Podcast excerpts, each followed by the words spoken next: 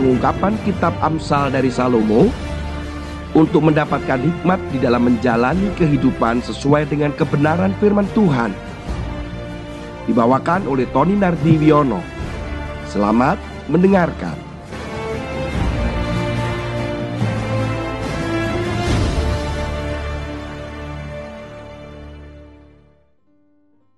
Shalom Bapak Ibu sekalian, saudara yang kekasih di dalam Tuhan. Sekarang kita akan membuka firman Tuhan untuk renungan kita pada hari ini, yaitu terambil di dalam Amsal, pasal yang ke-10, ayat yang ke-24. Apa yang menggetarkan orang fasik, itulah yang akan menimpa dia tetapi keinginan orang benar akan diluluskannya. Saudara yang kekasih di dalam Tuhan, apa yang menggetarkan itu artinya apa yang ditakutkan, apa yang dikhawatirkan. Saudara, dalam kondisi saat seperti ini pasti banyak kekhawatiran, ketakutan, kegentaran yang kita alami, kita rasakan dan kita pikirkan. Tentang kesehatan yang mana memang pandemik ini virus Covid yang tidak terlihat, penularannya yang begitu cepat dan bisa saja terjadi setiap saat ditambah lagi dengan banyaknya penderita atau bahkan mereka yang meninggal. Semakin hari semakin ada ketakutan. Apalagi sampai hari ini belum ada satupun obat yang dapat membunuh virus COVID. Yang ada adalah vitamin, terapi, ya, imun yang menaikkan imun, dan semua terkait dengan gejala-gejala daripada COVID. Batuk, demam, uh, susah nafas, sesak, ya itu yang biasanya uh, simptom-simptom itu yang ada obatnya. Tetapi secara spesifik apakah obat untuk mengatasi COVID sendiri belum ditemukan. Saudara, belum lagi masalah ekonomi. Bayangkan saja bahwa pengangguran di Indonesia ini meningkat cepat drastis sekali. Dan pertumbuhan ekonomi sendiri masih minus atau minus, negatif. Walaupun dibandingkan dengan ekonomi negara lain, Indonesia masih lumayan. Tetapi tetap saja berimbas. Apalagi ketika ada pembatasan-pembatasan skala mikro dan secara khusus yang mana akhirnya jalannya roda ekonomi terhambat. Belum lagi masa depan untuk studi anak-anak kita. Itu juga permasalahan tersendiri lagi, saudara. Ketika anak saya harus melihat masa depan itu dalam kondisi seperti ini, bagaimana melanjutkan sekolah itu pun ada kekhawatiran sendiri. Anak saya mungkin satu dua hari yang lalu dia resah sekali. Mengapa demikian? Karena teman-teman yang lain, ada yang sudah masuk secara online dan dia belum secara online dan dia mulai resah. Apakah benar dia diterima atau dia akan memulai sekolahnya kapan? Terkait dengan informasi dari pihak universitas di China.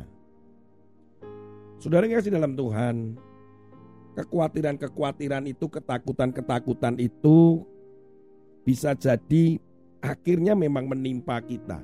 Seperti di dalam Ayub ya juga demikian. Bahwa ketakutanlah itu yang menimpa kita. Karena ketakutan dan ketakutan itu bisa menimpa kita. Ini sebenarnya sama dengan apa yang menggetarkan orang fasik itu yang terjadi. Saudara yang kekasih di dalam Tuhan. Saya ingat sekali ketika saya naik mobil bersama dengan mami saya. Mami saya ini seorang uh, pengendara mobil yang handal ya. Waktu saya masih SMP, saya sebenarnya sudah bisa mengendarai mobil, tetapi tidak berani untuk antar kota. Tetapi mami saya sudah luar biasa sekali, saudara. Pergi keluar kota, bahkan pergi ke pegunungan pun mami saya berani. Suatu kali ketika saya mencoba mengendarai mobil itu di pegunungan, saat itu mami saya ada di samping saya. Dan tiba-tiba turunlah kabut atau seperti apa ya embun begitu begitu tebal karena dinginnya jalanan dan suasana di pegunungan itu. Saya menggunakan lampu karena saya tidak memiliki lampu khusus lampu kabut. Jadi lampu itu lampu biasa yang ketika saya semakin terangkan itu dia akan berpendar membuat silau. Dan saya tidak bisa melihat ke depan saudara. Saya tidak bisa melihat jarak kurang lebih 5-6 meter di depan saya yang saya nggak bisa lihat dan itu putih begitu. Dan jujur saya mengalami ketakutan. Saya khawatir ada kendaraan di depan saya tiba-tiba karena memang lampunya juga terbatas jaraknya. Atau karena di pegunungan bisa saja saya karena tidak hafal jalan yang berkelok-kelok itu, saya bisa jatuh ke jurang. Sama dengan pesawat. Pesawat itu ketika terjadi hujan selalu diinformasikan jarak pandangnya berapa dari pesawat itu sampai ke depan jarak pandang berapa. Hitungannya sudah bukan meter tetapi sudah kilometer. Tetapi kalau sudah jaraknya sudah meter mungkin berapa ratus meter, nah itu warning. Sama dengan ketika naik mobil itu jarak pandang saya paling cuma 5-6 meter. Itu berbahaya sekali. Tiba-tiba ada mobil di depan saya dan saya tidak sempat mengerem, maka bisa terjadi kecelakaan. Atau tiba-tiba ada jurang dan saya tidak bisa melihat di dalamnya atau di depan saya, maka saya bisa terjatuh. Kemudian mami saya berkata, tolong kamu minggir sebentar. Loh kenapa saya tanya sama mami saya. Minggir saja. Biarkan mami yang mengendarai itu. Saya antara artinya begini, saya berpikir apakah mami saya sanggup, tetapi secara jam terbang memang waktu itu mami saya lebih banyak mengendarai mobil yang saat itu mobil kami mobil jeep TAF ya, TAF jeep TAF itu. Saya sementara kalau saya nyetir terus memang saya kenyataannya tidak berani, Saudara. Dan akhirnya mami saya uh, mengendarai mobil dan saya ada di sampingnya. Yang luar biasa, saya harus meletakkan kepercayaan saya, ketakutan saya itu habis atau digantikan dengan damai sejahtera ketika saya meletakkan kepercayaan saya kepada mami saya untuk mengendarai mobil. Mami saya ternyata lebih tahu jalannya habis belok ke kiri ini nanti akan ada tanjakan naik. Kemudian dia habis ini dengan belok ke kanan dan seterusnya. Dan ini harus pelan karena tikungannya tajam dan seterusnya. Mami saya begitu fasih dengan jalan itu. Sehingga kabut 5-6 meter di depannya itu sepertinya seolah-olah dia tidak menganggap itu menjadi hambatan. Dan akhirnya kami selamat sampai di tempat. Saudara kekasih di dalam Tuhan, bukankah hidup di depan kita ini kita juga tidak tahu apa yang di depan kita. Maka serahkan kemudi itu kepada Yesus. Kita tinggal meletakkan kepercayaan itu kepada Yesus. Kemudian kekhawatiran itu akan hilang digantikan dengan damai sejahtera.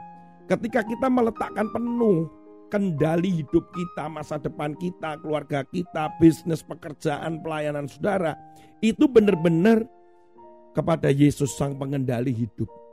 Oleh sebab itu Yesus disebut sebagai Tuhan. Tuhan, Lord, yang menguasai hidup, yang mengendalikan hidup, yang memiliki otoritas. Sehingga serahkan saja saat itu seperti saya menyerahkan itu kepada mami saya.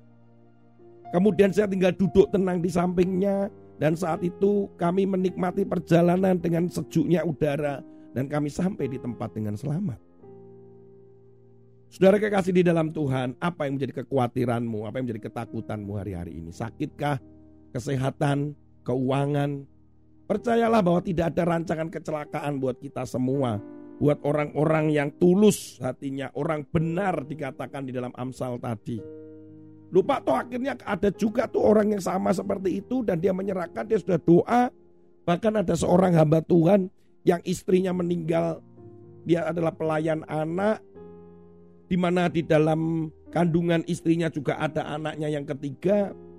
Tapi ketika mendekati masa-masa kritis itu istrinya tetap percaya akan pertolongan Tuhan dan Tuhan tidak pernah memberikan kecelakaan sampai istrinya pulang ke rumah Tuhan. Mereka tetap punya keyakinan semuanya yang terbaik untuk Tuhan. Saudara, bahwa ada sesuatu di balik kehidupan kita ini adalah kehidupan kekal yang lebih baik. Kita tidak pernah tahu apa yang terjadi besok. Hari ini eh, melandai korban atau yang terpapar COVID. Kita juga tidak tahu apakah akan naik lagi atau kemudian akan ada kesembuhan, ada mujizat, kita nggak akan pernah tahu. Tetapi cukup kita meletakkan kepercayaan kita saja kepada Tuhan. Ketika saya masih selepas kuliah di tengah ekonomi saat itu krisis di Indonesia dan dilanjutkan di dunia. Saya bekerja di sebuah perusahaan dengan gaji yang sangat minim sekali dan kemudian saya punya teman kos yang sudah memiliki bisnis pengetikan dan dia punya kontrak rumah, dia punya banyak komputer, memperkerjakan beberapa orang untuk mengetik, bahkan juga punya bisnis peminjaman komputer waktu itu. Kami melihat di antara kami di seluruh kos dia yang paling sukses. Kenapa? Karena dia yang punya bisnis sementara kami struggling, kami bertahan dan masih studi, ada yang bekerja yang di sebuah perusahaan dengan gaji yang minim termasuk saya. Saat itu saya ingat sekali gaji saya sangat minim sekali. Untuk bayar kos dan untuk makan itu sudah terpotong hampir separuh saudara. Kemudian kami duduk-duduk di depan eh, kamar kos saya. Kemudian dia ngomong, Tony kamu kayak begini akan sampai kapan? Ya saya bilang ya saya Jalani saya bilang begitu.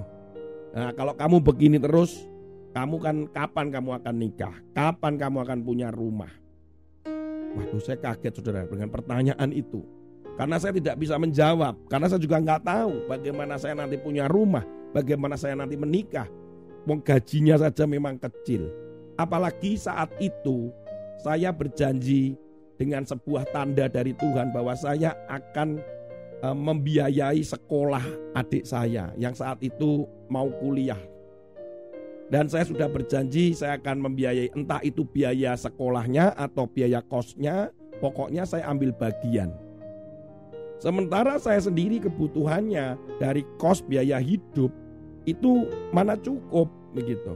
Tapi karena saya sudah dapat tanda dari Tuhan, saya mengiyakan itu. Kemudian ketika teman kos saya yang berbicara tentang masa depan itu membuat saya juga takut. Jujur takut.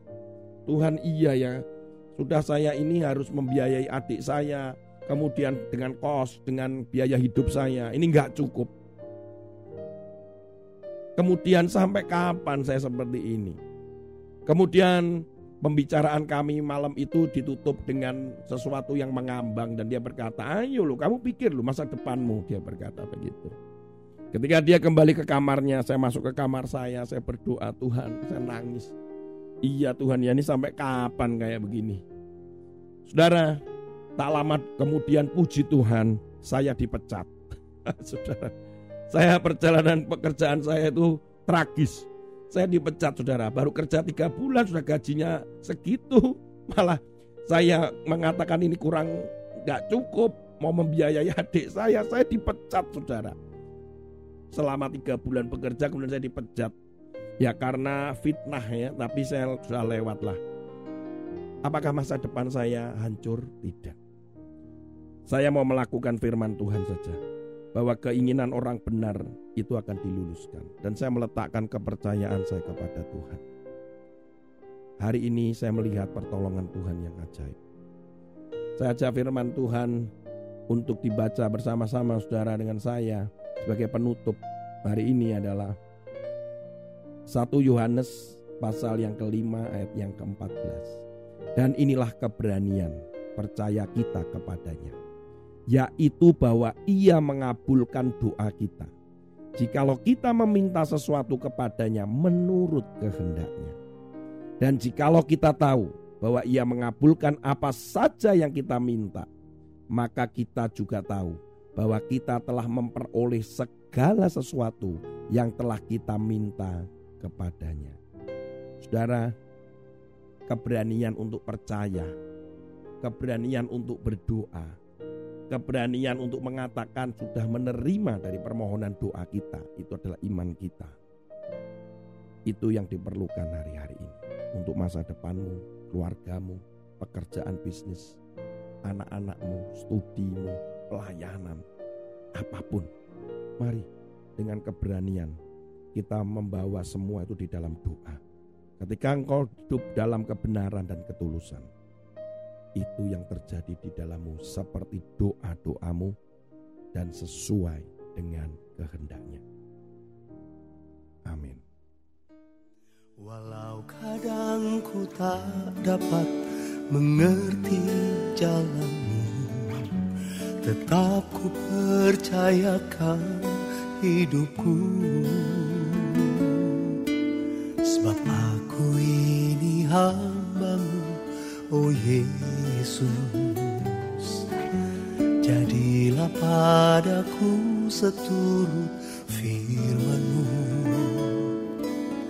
Engkau Tuhan yang selalu menggenapi janjimu Rancanganmu terbaik bagiku. Yesus ku percaya. Yesus sungguh ku percaya. Rencana yang ajaib terjadi di dalamku Yesus sungguh ku percaya